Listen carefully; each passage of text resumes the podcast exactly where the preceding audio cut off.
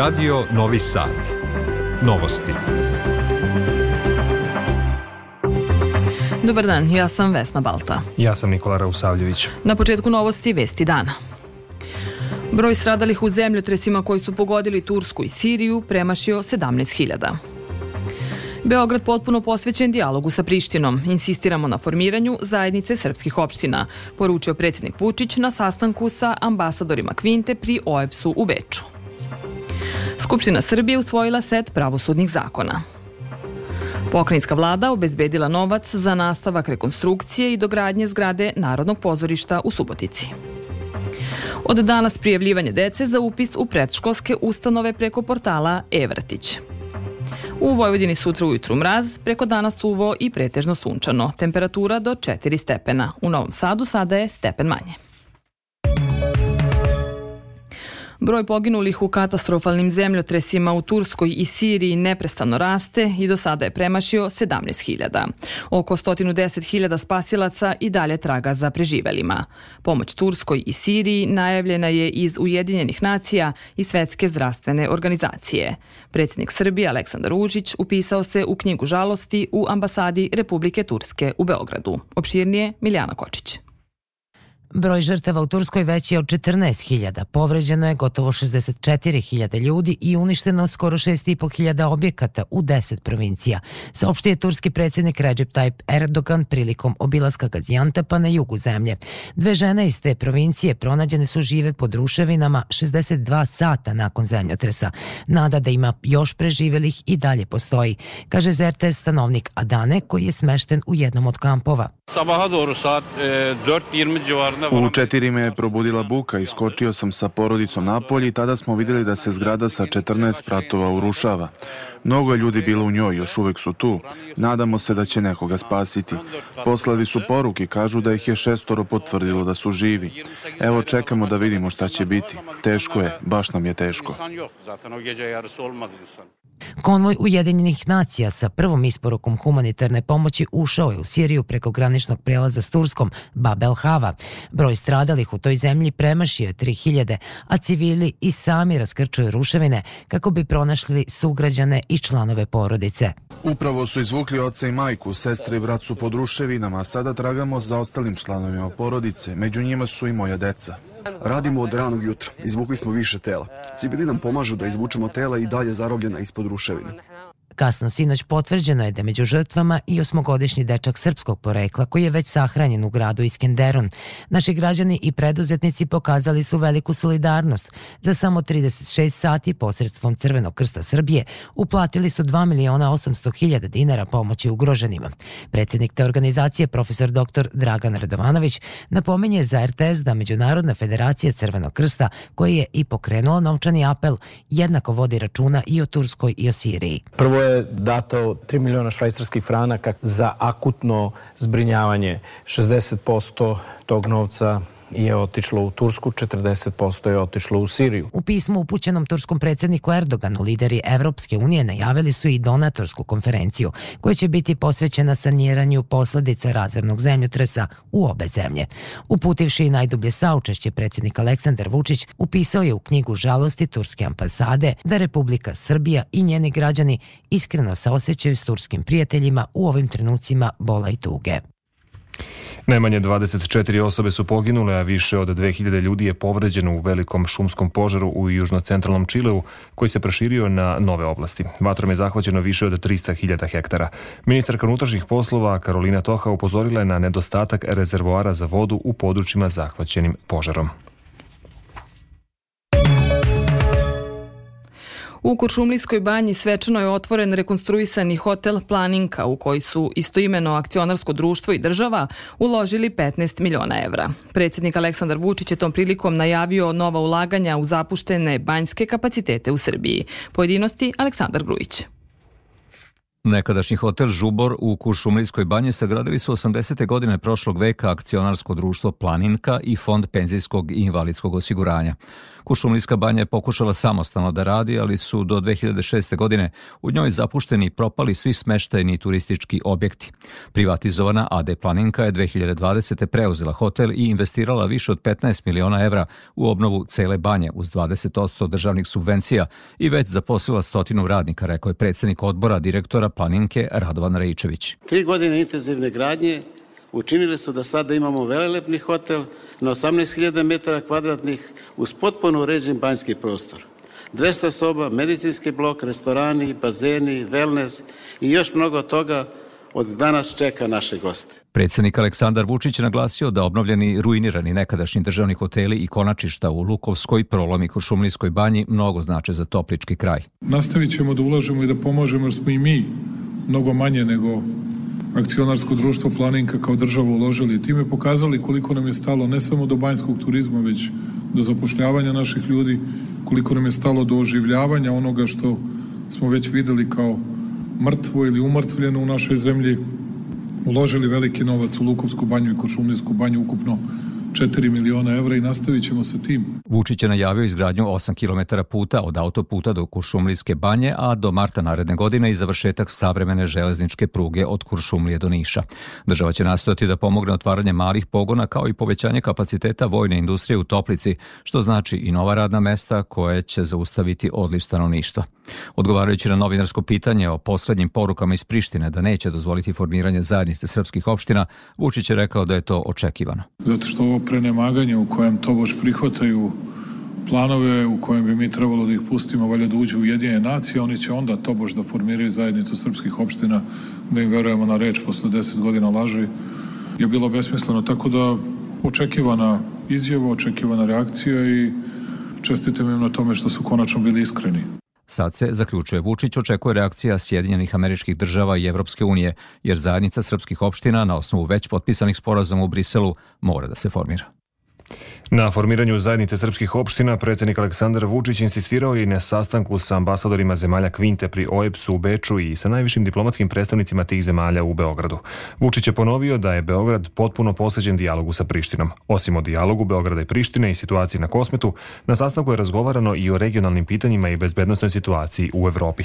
Predsjednik je posebno istakao da Srbija ceni dobru saradnju sa OEPS-om kao jednom od najznačajnijih međunarodnih organizacija, kao i njenom misijom u Srbiji.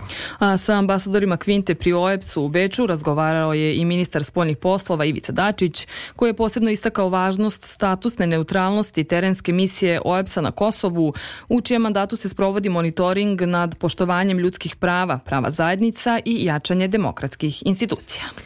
Izvestilac Evropskog parlamenta za Srbiju Vladimir Bilčik predstavio je nacrt svog izveštaja poslanicima spoljnopolitičkog odbora. Rok za podnošenje amandmana je do sledeće srede, a usvajanje u vidu rezolucije se očekuje na proleće. U Evropskom savjetu je danas održan i samit šefova država i vlada zemalja članica Evropske unije, na kome prvi put uživo učestvuje i ukrajinski predsednik Volodimir Zelenski. Iz Brisela izveštava Ivan Ilić. Izvestilac Bilčik je tokom zasedanja Spoljnopolitičkog odbora Evropskog parlamenta rekao da su globalni događaji tokom prošle godine u najvećoj meri uticali na izveštaj. Pozdravlja se strateško opredeljenje za evropski put Srbije, ali nema zadovoljstva zbog neusklađivanja sa spoljnom i bezbednostnom politikom Unije. Mi svi radimo da bi Srbija postala članica EU i spremni smo da pomognemo, ali istovremeno moramo da budemo iskreni. Postoji izvestan broj problema i zadataka. Očekujemo da Srbija radi na njima i da da rezultate, a EU je spremna da bude na strani Srbije ako osjećamo da i Srbija stoji na našoj strani.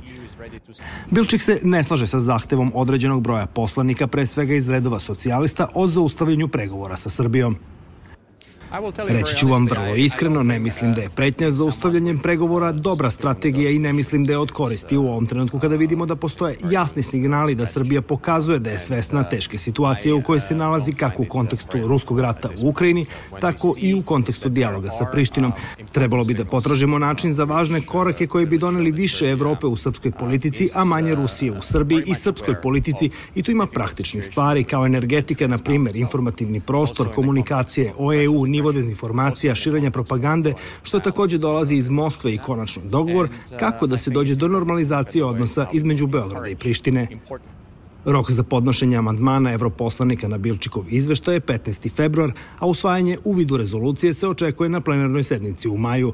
O dijalogu Beograda i Prištine na samitu EU lidere informiše i visoki predstavnik EU za spoljnu politiku i bezbednost Josep Borelj.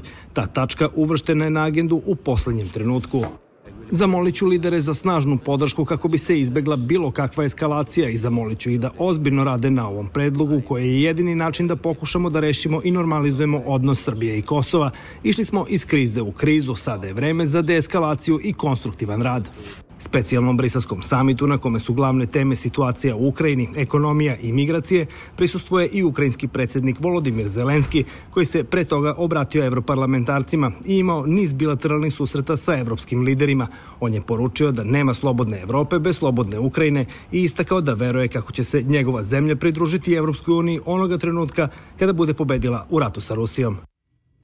Zamenik ruskog ministra spoljnih poslova Serger Japkov izjavio je da će biti posledice za Sjedinjene američke države zbog učešća u eksplozijama koje su oštetile gasovod Severni tok prošlog septembra. Japkov je rekao da navodi izneseni na blogu američkog novinara Simora Herša nisu iznenađenje za Mosku, jer kako istakao, od početka je bilo jasno ko bi imao korist od sabotaže na cevovodu, preneo je Reuters. I još jedna vesti sveta. Broj poginulih u eksploziji gasa u petospratnoj zgradi u Novosibirsku porastao je na pet, saopštili su ruski zvanični zvaničnici. Povređeno je devet osoba, od kojih je dvoje na intenzivnoj nezi. Gradonačelnik Novosibirska Anatolij Lokot saopštio je ranije da se 11 osoba vodi kao nestalo. Eksplozija je izazvala delimično urušavanje zgrade, nakon čega je izbio i požar. Slušajte novosti Radio Novog Sada. Poslanici Skupštine Srbije usvojili su na današnjoj sednici set pravosudnih zakona kojim između ostalog predviđeno da izbor sudija i tužilaca bude izmešten iz parlamenta u Visoki savet sudstva i Visoki savet tužilac, tu, tužilaca. Set pravosudnih zakona donet je radi usklađivanja sa izmenama Ustava Srbije u oblasti pravosuđa. Zakoni su usvojeni godinu dana od dana kada je u Skupštini Srbije proglašen akt o promeni Ustava u oblasti pravosuđa. Narodna banka Srbije povećala je referentnu kamatnu stopu za 25 baznih poena na nivo od 5,5%. Toliko je povećana i stopa na depozitne olakšice na 4,5%, kao i stopa na kreditne olakšice na 6,5%. Današnje povećanje referentne kamatne stope predstavlja njeno 11. uzastopno povećanje počevo od aprila prošle godine, zaključno s kojim je ona povećana za ukupno 450 baznih poena. Time, kako se navodi, Narodna banka Srbije doprinosi da se inflacija u Srbiji nađe na opadajućoj putanji i vrati u granice dozvoljenog odstupanja od cilja do kraja perioda projekcije. A naredna vest stiže nam iz Subotice. Naime, taj grad je potpisao ugovor sa subotičkom kompanijom SMB Gradnja za nastavak adaptacije, rekonstrukcije i dogradnje zgrade Narodnog pozorišta u Subotici. Potpisivanju je prisustvovao i Igor Mirović, predsjednik pokrajinske vlade, koja je obezbedila najveći deo novca za tu fazu radova. Više o tome zna Kristijan Takač. Ugovor o javnoj nabavci za nastavak radova na zgradi Narodnog pozorišta u Subotici vredan je milijardu 154 miliona i 920 hiljada dinara. Od toga je vlada Republike Srbije preko Ministarstva kulture obezbedila 400 miliona, pokrajinska vlada preko Uprave za kapitalno ulaganje 674 miliona, a grad Subotica 80 miliona dinara. U ovoj 8-2 fazi biće završeni svi građevinsko-instalacioni radovi unutar zgrade pozorišta objašnjava gradonačelnik Subotice Stevan Bakić. Kompletno završena biće velika pozorišna sala, kamerna scena, sve probne sale, kao i sve prostorije potrebne za funkcionisanje glumaca, tehničkog osoblja i administracije. Ostaće samo još da se završi koncertna sala koja je sama po sebi odvojena celina i pozorište će moći da funkcioniše dok se bude radila i rekonstrukcija te koncertne sale. To je ujedno i kompletno završena deveta faza.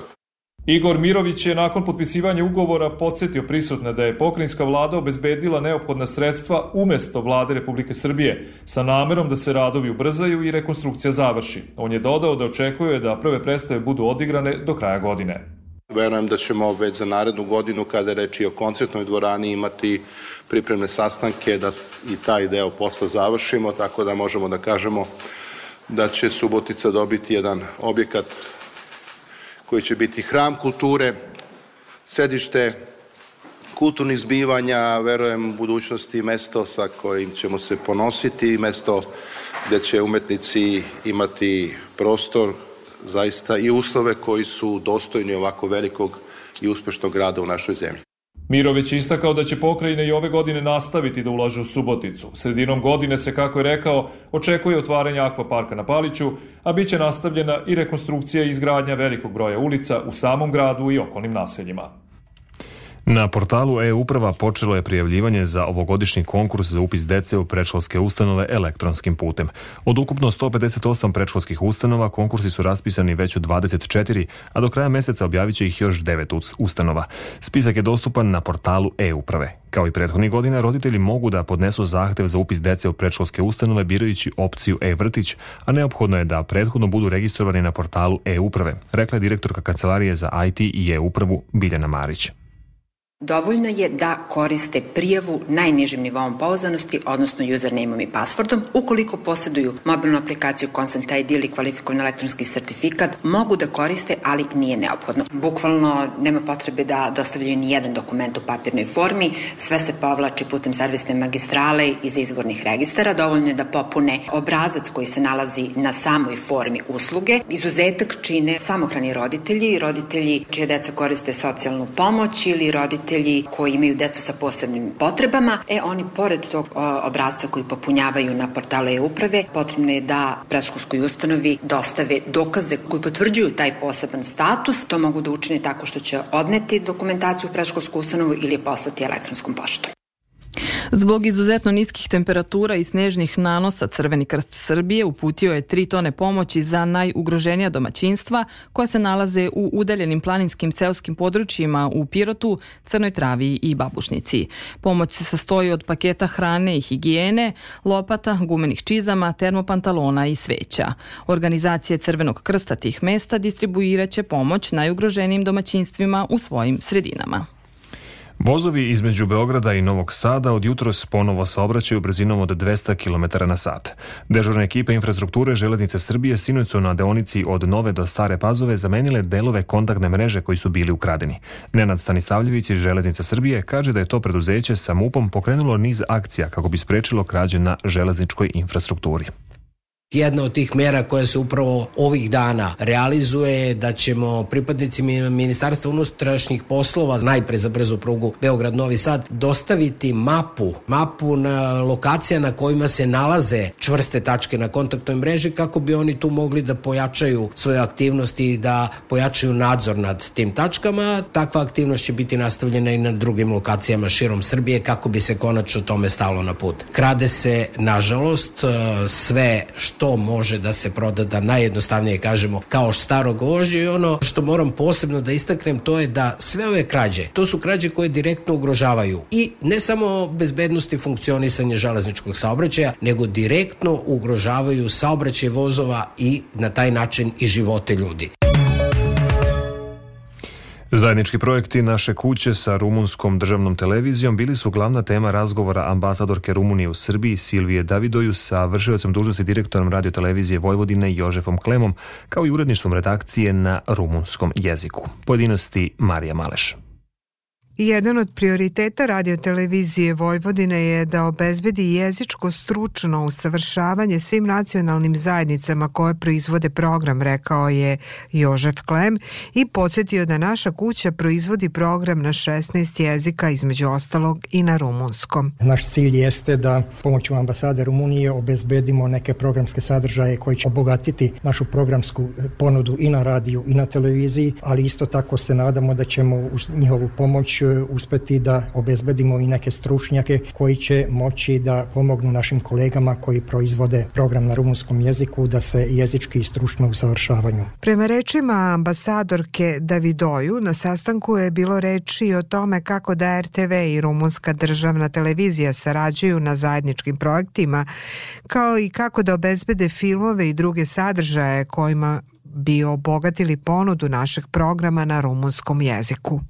Om vem în vedere, pe de o parte, probabil perfectarea unui... Takođe mi kao ambasada pokušat ćemo da stupimo u kontakt sa rumunskom državnom televizijom, da gledali da uh, radimo na nekim zajedničkim projektima kad je u pitanju usavršavanje i kursevi u Rumuniji, takođe lektori da bi mogli i dalje da postoje ove redakcije u okviru radio televizije Vojvodine. Ambasadorka je istakla veliku važnost postojanja redakcije na rumunskom jeziku za tu nacionalnu zajednicu i dodala da će učiniti sve što je u njih da program na rumunskom bude što bolji.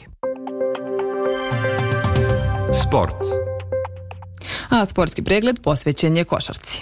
U trećem kolu kvalifikacija za evropsko prvenstvo koje se ovog leta održava u Izraelu i Sloveniji, košarkašice Srbije od 18 časova dočekuju u Novobeogradskoj hali sportova Ranko Žeravica Hrvatsku.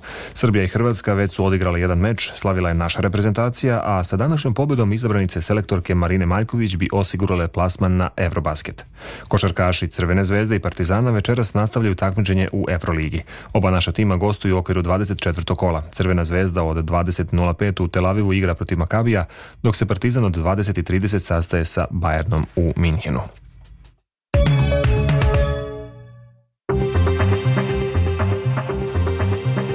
Pred kraj novosti još jednom vesti dana.